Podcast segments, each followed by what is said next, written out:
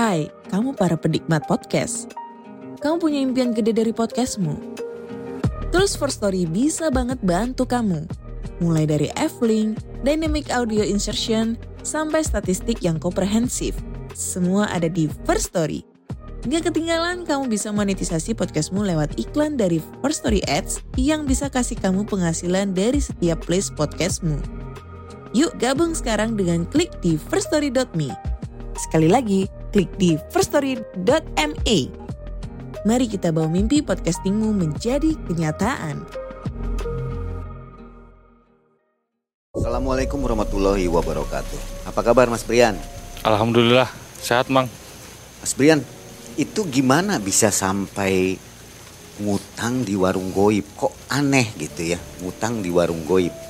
Ya pada saat itu kita memang lagi touring mang. Kita bertiga sama temen saya dua ini. Kebetulan pas itu kita berhenti di suatu warung itu. Kita makan. Pas kita mau bayar itu kurang 2000 mang. Kita rencana memang mau balikin tuh uang. Karena kita uang pas posisi makan itu kurang 2000 akhirnya kita putusin nanti balik lagi. Hanya karena kurang 2000 bisa kayak gitu ya? iya betul mang. Betul sekali Dan ternyata Mas Brian ini adalah seorang motoris ya atau tergabung di sebuah komunitas motor di Tegal. Apa namanya? saya dari anggota dari klub motor Tivers Tegal Fictioner Club eh, berbasic eh, fiction the fiction varian di kota Tegal mang Mantap, luar biasa, keren banget. Sobat MM, saatnya kita mendengarkan kisah dari Mas Brian. Jangan skip videonya. Dan inilah kisah dari Mas Brian.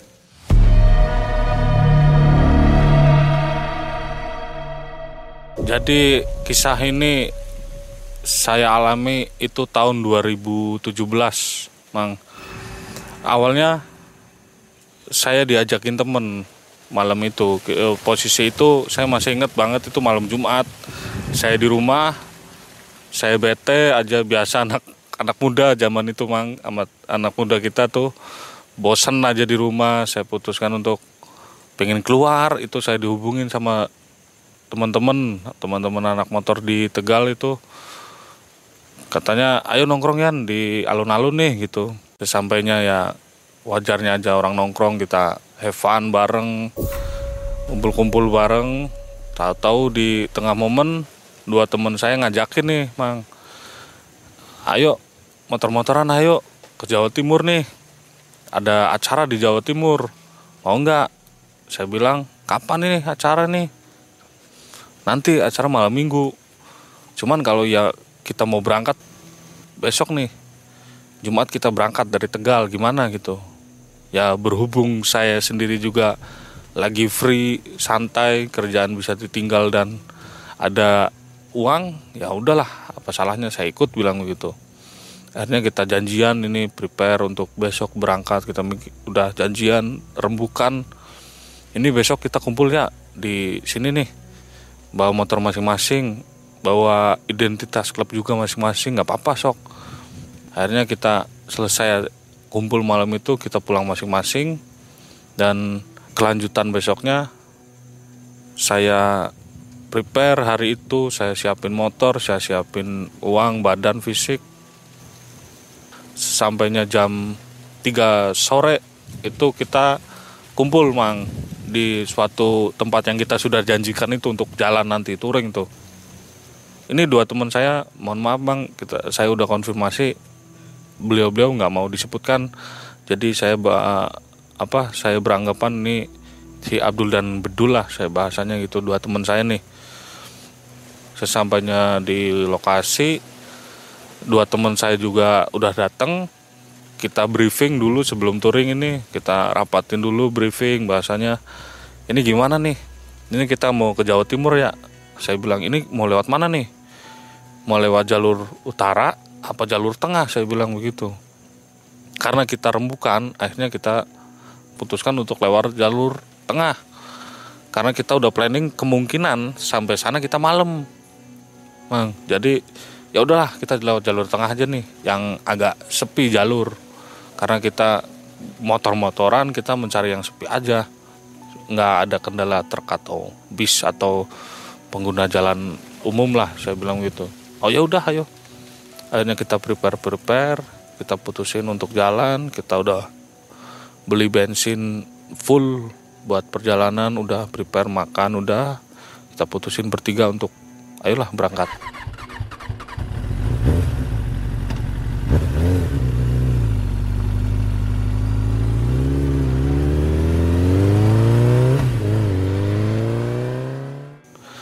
kita berangkat dari Tegal itu sekitar jam 3an mang.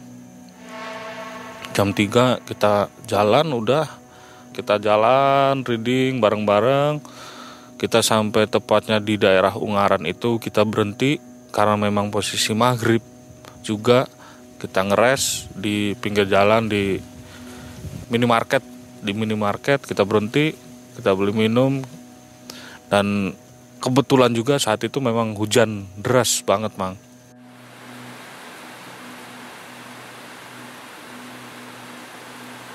Ini kita udah putuskan berhenti kita lanjut lagi setelah maghrib pengennya. Cuman karena memang hujan sangat deras kita putusin ayo gimana nih mau lanjut apa enggak? Kalau kita lanjut ya ayo. Kalau enggak ya gimana ini? Cuman karena dua teman saya pengennya cepet-cepet sampai akhirnya kita putuskan untuk langsung jalan itu habis maghrib mang.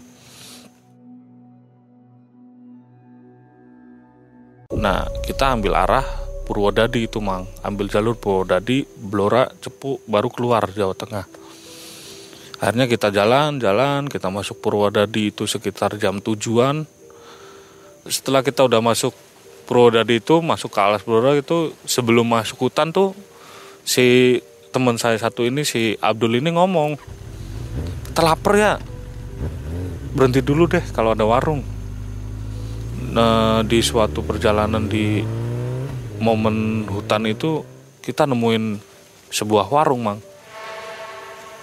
Dua teman saya ini udah ngomong itu depan ada warung.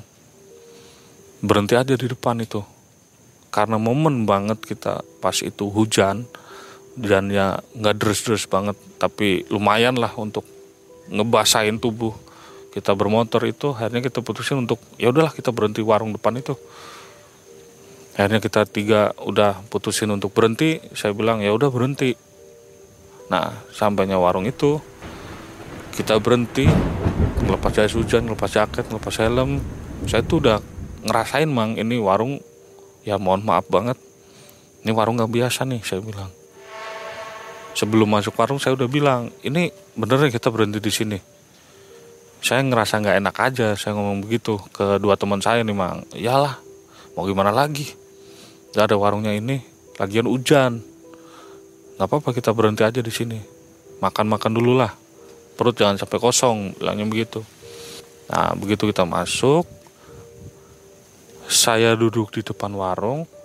Dua teman saya ini langsung masuk ke dalam warung mang. Itu posisi warung itu eh, tampak warung itu kayak warung zaman dulu. Masih bentuk geribik atau triplek begitu mang. Depannya aja masih yang etalase dibuka. Saat itu di depan warung tersebut ada tiga orang bapak-bapak. Yang dua lagi main catur yang satu di tengah ngeliatin dua bapak-bapak ini main catur mang. Tapi pakai sarung. Kayak nutupin aja pakai sarung begitu. Kayak orang kedinginan aja begitu. Saya duduk di sebelah saya coba apa bahasa basi aja lah nawarin rokok. Saya bilang ke bapak bapaknya pak rokok pak saya bilang gitu. Bapak bapaknya jawab iya mas makasih gitu dan kebetulan bapak-bapak yang dari tiga orang ini tuh yang satu yang pakai sarung itu nanyain saya mang dari mana mas? Gitu. Ya saya dari Tegal pak sama temen-temen ini gitu. Oh Tegal itu dekat Pekalongan ya mas? Itu iya pak saya bilang gitu. Oh mau ke mana mas? Gitu. Saya bilang mau ini kita mau ada perkumpulan pak di Jawa Timur.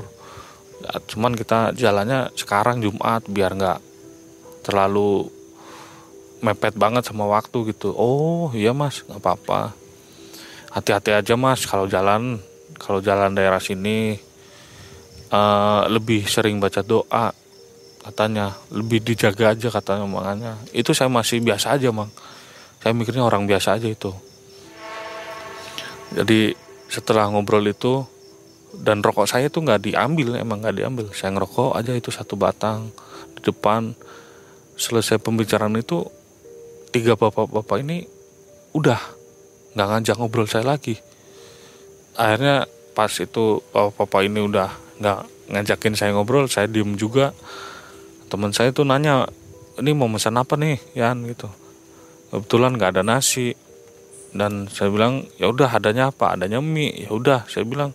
Saya pesan dua porsi mie jadiin satu gitu. Pakai telur saya bilang gitu. Ya udahlah akhirnya teman saya pesen saya masih di depan nih sendirian mang sama tiga bapak-bapak ini di depan. Itu dalam hati saya mikir kok ini warung di tengah hutan nggak ada per pemukiman apa perkampungan nggak ada apa? Saya mikir kok ada listrik? Kok ada lampu ini di warung ini? Saya mikir begitu. Saya ambil ngeliatin jalan tuh nggak ada kendaraan lewat. Maksudnya bukan jalan apa jalan umum yang sering dilalui lalu lalang kendaraan lah. Ini kok ada listrik ya di sini? Saya bilang begitu. Dalam hati saya sih masih itu mang.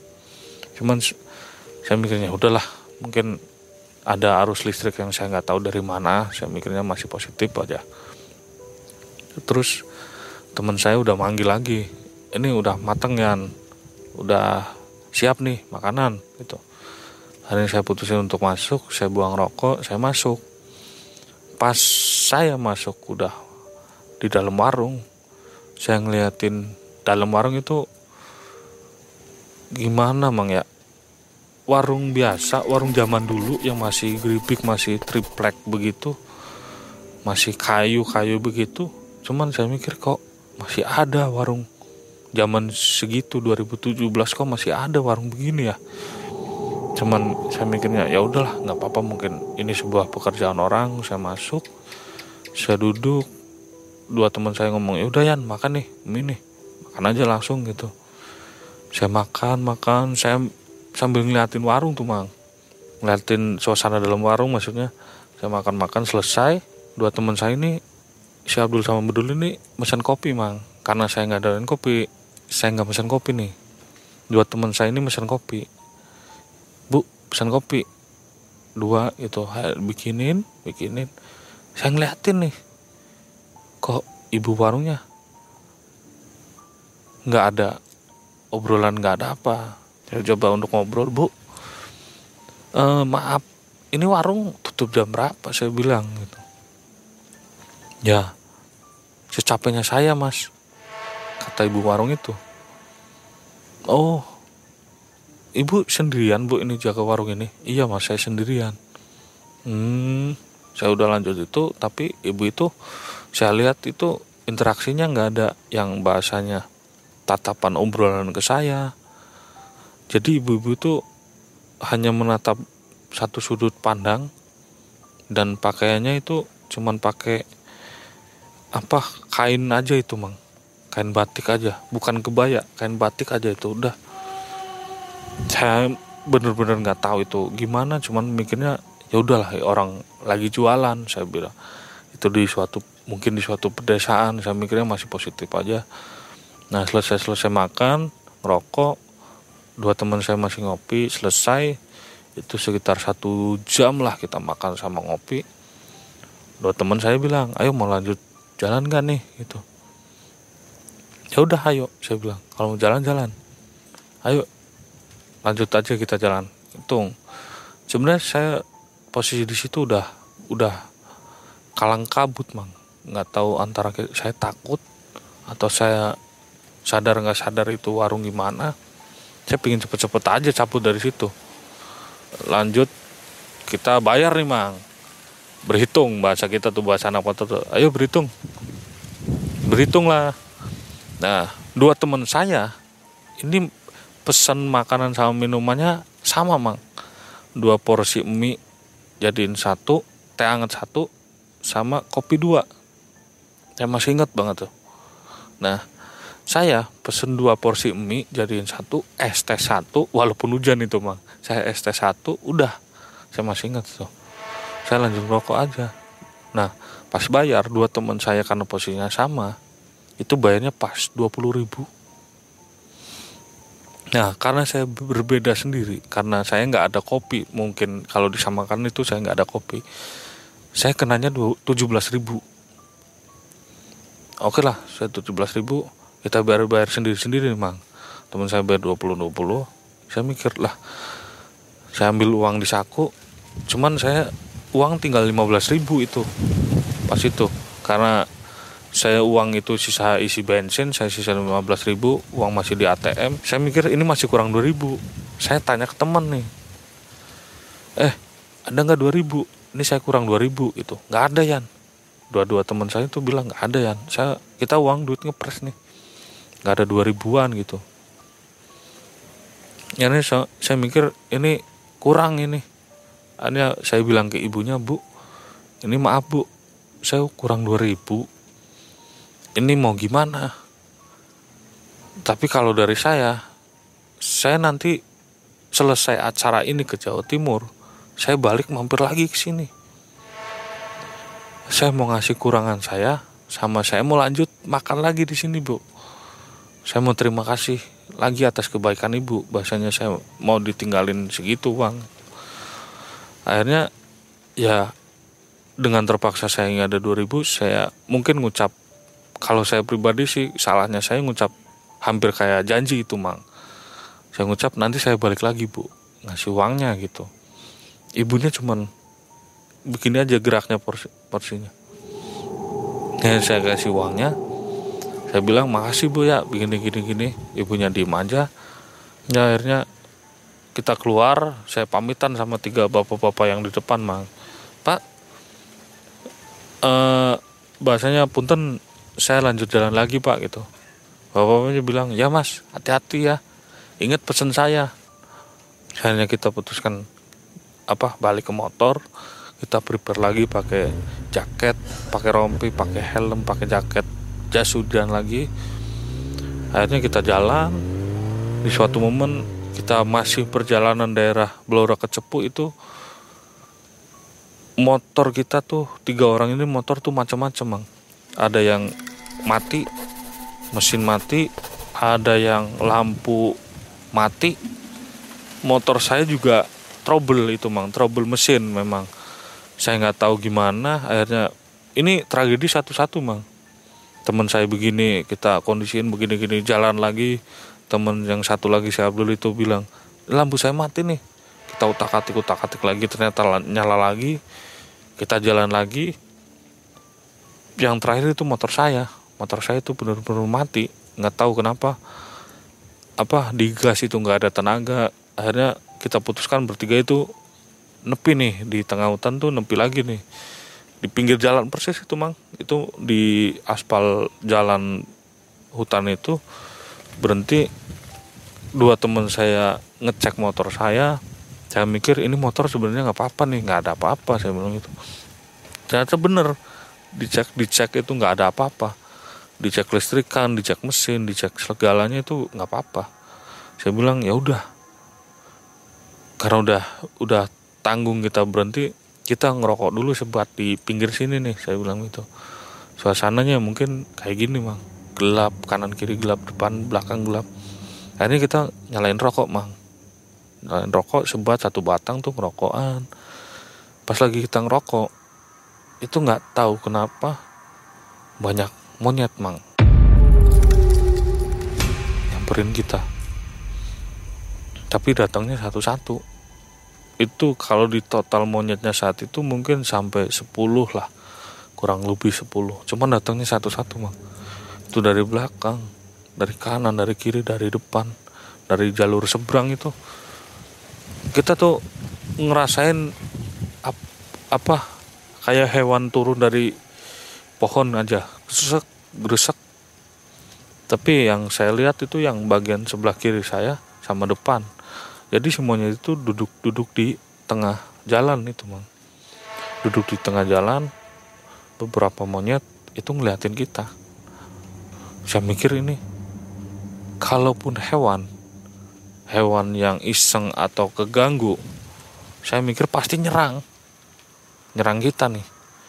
Ini kok banyak nih monyet kok kenapa nggak nyerang? Saya bilang begitu. Kok kok ngeliatin kita aja? Saya bilang begitu. Saya akhirnya ngomong kedua teman saya bahasanya ini kayaknya bukan bukan monyet nih. Entah apa entah apa saya kurang tahu memang. Saya mikirnya kita habis sebat kita lanjut jalan. Jangan kelamaan di sini saya bilang gitu. Ini dua teman saya sama saya sendiri itu udah udah bener-bener ketakutan banget itu mang sampai kita ngerokok tinggal sisa setengah batang itu kita ngerokok bertiga udah gemeter semua saking takutnya. Udah hawanya udah beda ditambah makhluk monyet itu uh, dengan jumlah yang agak banyak itu datang ngeliatin doang ke kita. Kita udah panik bahasanya udah panik udah ngerokok sampai gemeter semua. Kita udah selesai kita putusin jalan lagi. Akhirnya kita jalan sampai di suatu kota kita putusin untuk nginep di suatu penginapan. Ini kejadian paling paling apa paling ngerinya saya itu pas di penginapan. Saya sebelumnya mohon maaf barangkali entah gimana nya ini bukan saya menjelekan atau menggimanakan. Jadi di suatu penginapan itu kita nyawa tiga kamar sendiri-sendiri kita udah prepare masukin motor udah kita nyopot. Segala masuk kamar udah nyopot udah nyopot. Kita ke kamar masing-masing. Begitu saya sampai kamar saya masuk. Itu bagi saya itu udah nggak normal aja gitu mang. Pas saya udah naruh tas saya itu tas bawaan touring saya taruh tas saya prepare prepare hampir mau mandi. Selesai mandi itu saya keluar dari kamar mandi itu barang di tas saya udah di penginapan itu udah udah berjajar. Kayak kalau saya mikirnya sih orang mau nyuri nih. Ini apa ya orang mau nyuri? Saya bilang begitu. Orang di penginapan itu saya udah kunci kamar. Saya masih mikir positif mang itu nggak ada apa-apa. Bahasanya bukan hal-hal begituan. Saya ambilin lagi barang-barang saya. Saya jadiin satu dalam tas lagi. Saya taruh di depan jadi posisi penginapan saya itu si pintu ini di kalau saya di tempat kasur tempat tidur saya posisi tidur itu saya ngeliatin pintu itu di sebelahnya TV mang. Jadi begitu saya tidur di tempat tidur saya ngeliatin TV otomatis saya ngeliat pintu juga. Dan posisi kamar mandi ini di belakang kasur ini di dinding belakang kasur tas saya ditaruh di sebelah TV itu mang di depan saya. Saya mikirnya saya sekalian ngeliatin tas aja. Itu memang udah posisi udah jam 2 jam 3 saya mikirnya udah udah hampir pagi nih.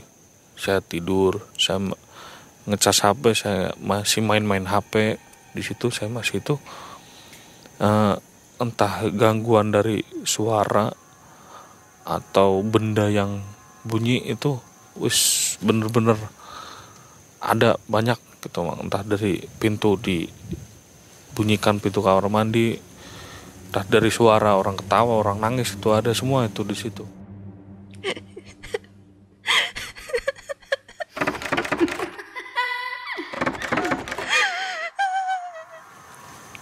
Ya maaf saya sampai merinding kalau cerita yang di penginapan uh, posisi udah saya mau tidur itu mang.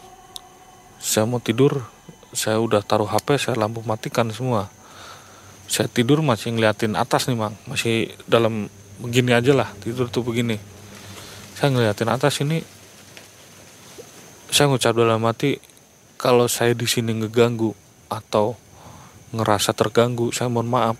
Saya cuma numpang tidur aja di sini. Saya nggak tahu apa-apa di sini. Mohon maaf saya numpang tidur aja. Dan tolong jangan ganggu saya. Saya bilang ke dalam hati saya sendiri. Nah saya tidur saya udah ngerasain merem itu mang. Jujur aja saya udah ngerasain merem. Cuman itu hawa saya tuh kayak ngerasa merem-merem tapi nggak merem mang. Kayak tidur tidur apa bahasanya? Tidur ayam. Pas saya udah merem tapi saya masih ngeliatin ngerasa itu Tiba-tiba itu ada suatu makhluk masuk dari pintu duduk di atas saya. Itu pas saya di penginapan itu. Duduk di atas saya sambil ngeliatin saya ke muka saya itu. Itu kalau saya bilang sosoknya sosok hampir seperti gondoruo mang. Bulunya banyak gede besar. Kalau saya liatin dari posturnya itu pas ngedudukin saya hampir ke hampir sampai ke apa ke atap ke ternit itu mah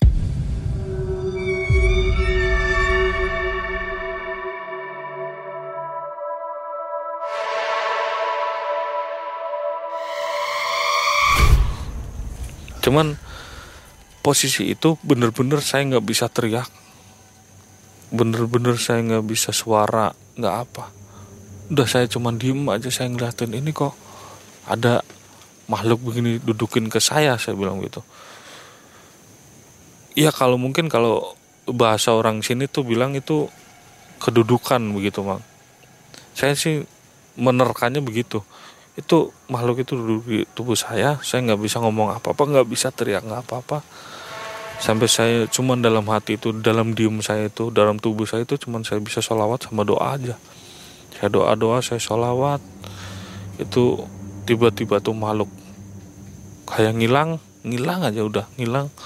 Saya mikirnya alhamdulillah ya Allah segala puji bagi engkau. Udah nolong saya nih dari dari godaan setan seperti ini saya bilang gitu. Akhirnya saya pas momen itu saya ngebalikin badan miring bang.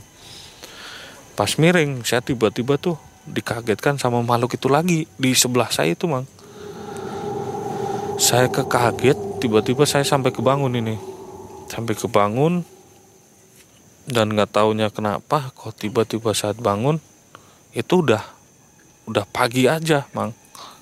Ya Allah ini kok saya belum ngerasain tidur belum ngerasain merem kok udah ada pagi saya bilang begitu. Di itu di dalam hati saya sendiri kok udah pagi aja gitu. Akhirnya saya bangun saya mandi sampai saya bersih bersih udah bersih bersih saya ngeliatin kaca. Ini saya dalam tubuh saya tuh belum ngerasain istirahat bang. Saya bener-bener malam itu digangguin. Saya ngeliatin kanan kiri ini bener saya ini saya putusin untuk keluar saya udah ngabarin temen ayo, ayo cabut saya bilang gitu. Cabut dari penginapan. Langsung ke acara aja gitu saya bilang. Ayolah udah prepare udah bangun kebetulan udah bangun semua udah prepare saya bilang. Ayo cabut. Kita keluar kamar keluar kamar. Yang satu ngebalikin kunci kita bertiga sama minta KTP saya ngobrol sama si Abdul saya, satu teman saya mang. Saya ngobrol. Eh ente semalam gimana? gitu. Enak ah tidur gitu. Teman saya tuh bilang mang jujur aja kan saya semalam digangguin. Digangguin apa? Saya bilang kalau dibilang mirip sih mirip kondoruo gitu.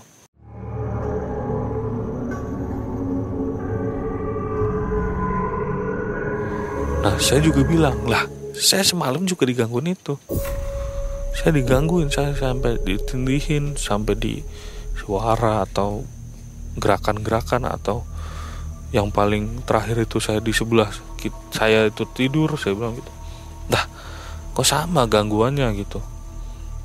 Jadi kita bahasanya udahlah udahlah lupain mungkin ini mohon maaf mohon maaf sekali saya mikirnya ini memang penginapan itu angker atau gimana saya mikirnya udahlah nah kita lanjut jalan. Itu sekitar jam jam 11 jam 12an mang. Udah agak siang. Jadi kita lanjut jalan dari kota tersebut lanjut ke kota tujuan kita. Kita langsung jalan jalan aja. Kita sampai di situ agak sorean kita hevan hevan lagi kumpul kumpul anak motor biasa. Kumpul kumpul nah pas malamnya kita masih di acara mang itu mah masih hevan aja masih kumpul kumpul anak anak motor tuh. Dua teman saya ngomong Yan lu sadar gak sih kejadian-kejadian tadi pas kita jalan dari pagi sampai ke sini gitu. Dari semalam sampai sekarang gitu gitu. Ya kalau saya mikir sadar nggak sadar saya sadar. Cuman kalau aneh ya aneh saya bilang begitu. Ya itu. Gue ngerasain aneh nih di perjalanan kita. Apakah kita harus ambil jalur yang beda untuk arah pulang apa gimana kalau menurut lo? Nah saya bilang ya terserah aja. Kalau ente berdua mau milih jalan jalur utara arah Rembang ya saya ikut ngikutin aja. Kalau mau tetap di jalur ini ya ikutin aja. Cuman jujur aja posisi itu saya lupa mang sama yang saya janji 2000 itu. Jujur aja saya lupa memang.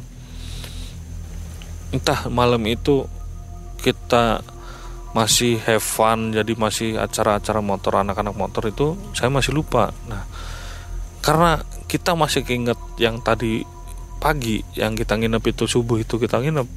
Akhirnya saya sama dua teman saya itu uh, mikirnya udahlah kita jangan nginep di penginapan lagi bang akhirnya kita ngontek anak-anak daerah kota tersebut anak-anak motor juga daerah tersebut. Kita ikut numpang aja numpang ngeres numpang istirahat besok untuk jalan lagi gitu. Akhirnya ada tempat kita disediakan tempat akhirnya kita tidur nih mang di tempat anak motor kota tersebut. Itu udah udah udah aman lah mang. Bahasanya kita udah tidur udah bisa ada tempat tidur tanpa di penginapan itu teman-teman udah tidur. Tapi saya masih mikir ini kok kejadiannya aneh-aneh aja nih. Sesampainya di warung itu ke sininya kok aneh-aneh saya bilang gitu kenapa ini aku mikir-mikir lagi? Ternyata saya sadar. Saya masih punya utang ini 2000 ke ibu-ibu tadi yang punya warung di Blora saya bilang begitu. Wah kayaknya sih saya putusin harus balik lagi lewat jalur situ. Ini di luar masalah hal gaib atau gimana saya masih ada janji gitu loh mang. Saya masih ada utang dalam hati saya saya harus balikin karena saya janji dan saya utang. Akhirnya begitu saya udah mikir itu saya tidur. Paginya kita bangun jam 10an kita bangun saling bangun semua dan udah bangun udah sarapan saya ngomong ke dua teman saya. Ini saya kan utang sama ibu yang di Blora itu. Utang 2000 nih gitu. Oh iya Yan. Terus gimana gitu? Kayaknya kita harus lewat jalur itu lagi. Saya mau balikin nih uang 2000 saya bilang gitu. Ini, ini karena saya janji aja. Kita harus lewat situ lagi saya bilang gitu. Karena saya janji gitu. Oh ya udah. Kalau lu udah mutusin untuk balik lewat jalur situ atau lu udah janji atau lu mau nyaur mau ngebayar utang lu ya udah gitu. Ini kita udah prepare prepare itu jam 11.12 kita prepare. Kita putusin jalan lagi dari kota tersebut masih di Jawa Timur itu mang. Kita putusin jalan jalan. Akhirnya kita masuk lagi ke jalur itu masuk Cepu Jawa Tengah masuk ke jalur Blora. Kita masuk Blora itu sekitar jam 2 jam 3 mang. Sore sore. Jam 2 jam 3 sore akhirnya kita masuk daerah Cepu. Sebelum masuk jalur itu saya udah ngomong ke dua teman saya. Ini kita mau masuk jalur tadi nih jalur yang kemarin saya bilang gitu ke warung tadi. Ini kalau kita dari jalur jalur berangkat itu warung sebelah kiri. Jadi kalau kita warung kalau kita arah pulang warung itu pasti sebelah kanan saya bilang gitu. Oke kan kita masih ingat kok warung itu. Dua teman saya ngomong gitu. Ya udahlah kita lanjut jalan. Kita tengok tengok kanan kiri kanan kiri lagi. Kita fokus lebih ke sebelah kanan. Sampai ujung hutan. Itu nggak ada warung. Jadi dua teman saya ngomong berhenti berhenti dulu. Itu berhenti udah keluar nih udah keluar hutan kita berhenti. Dua teman saya ngomong ini kok warung nggak ada? Gitu. Iya saya juga nyari nggak ada saya bilang gitu itu kalau di secara normalnya itu jalur dari ujung ke ujung itu satu jam saya dari ujung sana itu jam 3an sampai sini sekitar jam 4 kalau saya balik lagi itu sejam lagi. Saya ngomong ini warung kalau nggak ada gimana? Saya bilang gitu. Coba kita cari lagi satu kali lagi kita jalur ke sana gitu. Akhirnya kita putusin bertiga untuk balik lagi ke arah sana lagi arah hampir kayak arah berangkat kita putusin untuk balik lagi oke kita lebih teliti ya cariin warung itu gitu. Kalaupun memang warung itu emang dibongkar pasti ada bekas-bekas warung bongkaran tersebut mang. Atau pondasi ke atau alaman yang udah kena bangunan itu pasti ada saya bilang begitu. Jadi saya ngomong ke teman lebih fokusin deh ada bekas warung nggak? Barangkali ini warung dibongkar atau gimana saya bilang gitu oke lah yuk kita jalan lagi ke arah balik lagi ke arah cepu lagi. Kok kita nengok kanan kiri pelan itu nggak ada bener-bener nggak ada lagi mang. Akhirnya kita sampai ujung lagi kita ngomong wah bener ini warung nggak ada gitu. Dua teman saya sama saya udah panik wah gimana ini? Apa bener sih ini warung warung yang nggak ada? gitu warung goib gitu. Ya kalau berpikir memang itu warung emang nggak ada atau goib ya kita Bismillah aja lah kita pasrahin ke Allah aja untuk segalanya apa pun gangguan atau apa pun gimana nya kita pasrahin aja. Akhirnya kita putusin lagi untuk ya udahlah kita balik lagi nih. Saya ngomong ini kalaupun arah balik kita nemuin warung apa nggak nemuin warung kita lanjut balik. Karena itu udah mau hampir maghrib mang kita. Nah, akhirnya kita lanjut arah balik itu. Itu kita balik bener-bener itu udah mau maghrib kita jalan di jalur tersebut kita nengok kanan kiri kanan kiri. Emang nggak ada kejadian apa-apa. Tapi warung emang nggak ada mang. Jadi wah bener-bener kita udah panik banget semua itu bertiga. Udah karena memang maghrib kita capek dan kita nyari warung nggak ada. Pikiran kita udah ke mana-mana itu mang. Jadi kita cari warung itu bener-bener nggak ada. Udah kita keluar dari hutan itu udah kalau kita anak motor tuh udah ngebut semua mang. Itu ketakutan udah udah takut saya itu belum belum belum ada apa inisiatif untuk apa-apa itu mang. Untuk yang uang 2000 itu memang jujur aja karena saya panik mikir warung nggak ada. Jadi kita jalan dari Purwodadi arah pulang. Dan kebetulan memang pas malam itu itu malam Senin malam itu ada kontekan dari anak Semarang untuk bahasanya untuk ngopi aja santai sebelum arah balik ke Tegal tuh. Ngopi akhirnya kita putuskan mampir nih di Semarang akhirnya kita ke Semarang udah masuk Semarang kita dijamu dan ditemuin sama anak motor Semarang nongkrong-nongkrong di suatu tempat di Semarang ngobrol-ngobrol. Tapi saya sama dua teman saya ini fokus mang pembicaraan tadi kita. Ini kok kenapa warung nggak ada gitu. Salah satu teman saya si Abdul ambil kata si Abdul ini bilang ini bukan masalah warungnya nggak ada nih kalau masalah warung ada oke okay lah gitu. Tapi yang kita makan itu apa? Yang kita minum itu apa? Tapi saya masih mikir lagi ini bukan masalah warung nggak ada apa kita makan apa? Saya masih bayar kurang. Kalaupun ini warung goib atau apa saya mikir saya masih kurang gitu. Anak motor Semarang ini ngeliatin kita muka-muka panik. Kenapa? Nanyain kan anak Semarang itu nanyain ke kita kenapa? Kok muka kalian kok panik begitu? Akhirnya kita dengan dengan persetujuan kita bertiga untuk cerita kita ceritalah. Ya mas jadi jadi kejadian di suatu tempat ini di Blora kita makan mas. Makan di warung begini gini gini. Tapi pas kita balik tadi tadi sore itu warung nggak ada gitu. Akhirnya si anak Semarang ini kayak ngasih tahu apa cerita gitu. Oh di daerah situ ya gitu. Dari situ sih emang emang hal begitu wajar begitu banyak orang yang diliatin apa di lagi dibegitukan itu banyak gitu. Malah kita bertiga itu sempat dikasih tahu informasi dari media sosial lah dari suatu medsos. Nih coba nih kamu lihat nih kejadian yang tahun-tahun kapan gitu.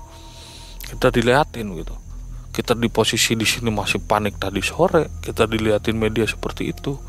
Pas saya tonton itu medianya memang di di lokasi tersebut. Terdapat suatu bis bis umum sama truk. Dan bis umum sama truk ini memang disasarkan mang di tengah hutan tersebut. Cuman gara-gara masalah itu emang yang lokasinya sama kita jadi bener panik ini bertiga mang. Bener-bener saking paniknya udah akhirnya kita putuskan untuk udahlah jangan kemalaman kita di Semarang kita cepet-cepet balik nanti nih. Udah udah, udah kita udah udah nongkrong udah selesai saya putuskan untuk pamit ke anak-anak Semarang. Udah maaf ya kita posisi kondisi badan capek dari perjalanan dan emang karena kita takut juga panik akhirnya kita udah maaf ya kita jalan balik ke Tegal nih gitu udahlah kita pamit pamit pamit alhamdulillahnya emang dalam perjalanan balik kita nggak ada apa-apa mang. Dalam perjalanan nih begitu sampai Tegal kita udah misah bertiga ke rumah masing-masing memang. Bertiga teman dua saya ini udah pulang. Ayo kita cabut dari Tegal itu udah cabut masing-masing rumah. Dan kebetulan rumah saya itu agak jauh dari perbatasan Tegal Pemalang itu agak jauh saya sampai rumah itu sekitar jam 1 jam 2 malam. Parkir motor di depan saya ketok-ketok pintu karena di karena di rumah itu ada orang tua ada ibu saya bilang. Ibu mungkin tidur pas itu. Saya ketok-ketok ketok-ketok kok saya dengar ada ada kayak angin gede. Nah kayak angin begini mah ada angin gede nih. Saya nengok ke depan rumah itu depan rumah saya jadi latar mang. Kayak sawah-sawah begitu masih perumahan kaplingan itu sawah-sawah semua. Saya nengok ke depan rumah kayak bayangan ibu-ibu. Cuman yang saya tambah ngeh kok ini ibu-ibunya pakaiannya kok sama kayak yang di warung kemarin saya bilang gitu.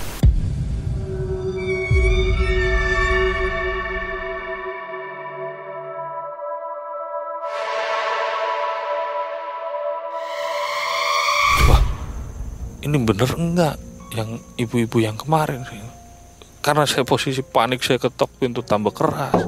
Saya teriak-teriak ke ibu saya ibu saya bukain pintu. Ibu saya nanyain kenapa kok kayak panik begitu? Nggak apa-apa bu. Saya bilang nggak apa-apa aja gitu. Akhirnya saya masuk. Saya masukin motor saya masuk. Kebetulan saya pas itu memang saking panik saya ambil wudhu sama sholat saya karena saking takutnya alhamdulillah saya tidur itu nggak apa-apa malam itu. Saya tidur saya nggak apa-apa nggak ada kejadian apa-apa. Bangun paginya saya duduk di rumah saya sambil mikir mang ini kok semalam saya dilihatin hampir kayak mirip ibu-ibu yang di warung. Apa mungkin ini ibu-ibunya nagih apa gimana? Saya nggak tahu. Cuman dalam hati saya jujur aja saya pengen ke sana lagi untuk balikin uang cuman saya mikir kalau ini warungnya emang nggak ada saya harus gimana? Berhari-hari saya mikir itu saya keinget terus entah kenapa saya di kerjaan saya di rumah saya dikumpul sama teman-teman kok saya ingat kejadian itu banget? Saya ceritain ke teman-teman. Akhirnya saya putuskan untuk balik lagi ke jalur tersebut untuk ngembalikin uang. Akhirnya saya preparekan waktu preparekan tenaga prepare uang. Saya motor-motoran lagi nih mang. Sendirian ini saya sendirian saya untuk ngelewatin jalur itu lagi mang. Akhirnya kapan waktu itu saya lanjut ke sana jalan lagi ke jalur tersebut. Pas udah sampai jalur tersebut memang saya satu lewatan itu bener-bener nggak nemuin warung itu lagi mang. Jadi akhirnya saya saya sampai di Cepu saya nginep di temen. Arah pulangnya saya putusin untuk ngebuang uang 2000 itu mang. Emang udah saya siapin uang 2000 itu. Pas saya jalan jalan pulang ke arah arah Tegal lagi arah pulang saya benar-benar emang nggak ada warung. Saya karena udah ke, dari kejadian masing-masing kejadian saya mikirnya saya ambil uang itu saya jatuhin aja 2000 nya terus dalam hati saya saya ngomong mohon maaf bu ini kalau saya memang salah ucapan atau salah janji atau teman-teman saya atau saya salah kata atau gimana mohon maaf. Dan ini saya ngembalin kekurangan uang saya yang 2000 tadi. Dan tolong bu mohon maaf kalau saya ada salah kata apa salah apa pun saya berlaku atau saya mohon maaf. Tolonglah saya jangan diganggu atau teman-teman saya jadi diganggu. Saya sampai rumah lagi saat itu malam lagi udah sampai pulang lagi. Pas saya udah tidur mang saya kemimpi mang. Ibu-ibu tadi saya mimpi makan di situ lagi. Saya balikin saya ngucapin bu saya balikin uang 2000 nya gitu. Mohon maaf bu kalau saya lupa kelupaan atau kelamaan ngebalikin uangnya gitu. Terus yang di mimpi saya itu ibu-ibunya cuman ngomong iya mas nggak apa-apa. Makasih gitu. Nanti lain kali kalau lewat jalur begini agak lebih dihati-hatikan saja apa pun itunya gitu akhirnya kelanjutan besoknya saya udah bangun saya selesai itu alhamdulillah sampai sekarang saya nggak kejadian apa-apa walaupun sampai sekarang kita masih mikir nih apa begitu yang kita makan begitu Oke unik sekali ya Mas Brian ini kisahnya. Kira-kira ada yang ingin disampaikan nggak untuk penonton malam mencekam dari sisi baik dan sisi buruk kisah ini? Mungkin Mas Brian mau menyampaikan, silakan. Ya, kalau dari saya pribadi karena berdasarkan pengalaman saya tidak melangkahi atau menggurui siapa pun. Mohon maaf sebelumnya, saya tidak mengejas di daerah mana pun saya tidak mengejas. Kalau saya boleh bersaran, eh, alangkah baiknya kita menghargai adat istiadat per wilayah tersebut. Kita menghargai apa salahnya. Masalah percaya tidak percaya itu urusan belakang bagi saya. Lebih baik kita menghargai dulu. Kalaupun karena kisah saya di arah di hutan saya titip pesan aja kalau mau masuk seperti itu lebih baik kita baca doa atau salawat dan yang paling utama lebih jaga ucapan mang Sobat MM, banyak hal yang bisa kita ambil dari kisah ini. Ambil yang positif dan buang negatifnya ya. Selalu tingkatkan keimanan kita kepada Allah Subhanahu wa taala agar kita terhindar dari hal-hal yang tidak kita inginkan. Akhir kata Mang Ei undur diri dari Tegal. Assalamualaikum warahmatullahi wabarakatuh.